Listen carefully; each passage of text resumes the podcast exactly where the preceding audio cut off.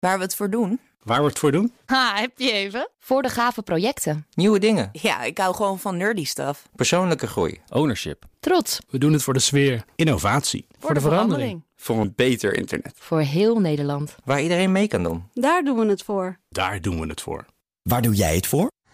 Kom werken voor KPN en groei op jouw manier. Check de actuele vacatures op het gebied van data, security, development en networking op jobs.kpn.com/tech. Ik ben Carlijn Meinders. Dit is Wetenschap vanavond. 1 minuutje wetenschap. Onderzoekers zeggen voor het eerst in een niet-menselijk brein te hebben gezien hoe taal wordt verwerkt.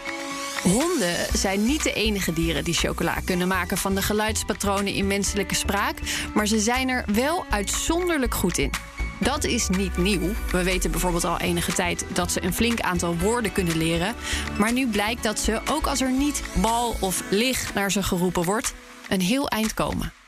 Het idee voor dit onderzoek kwam door een verhuizing. Twee onderzoekers gespecialiseerd in taalverwerking vertrokken van Mexico naar Hongarije en vroegen zich af of hun honden, die al waren getraind om stil te liggen in een fMRI-scanner, door hadden dat om hun heen ineens een andere taal gesproken werd.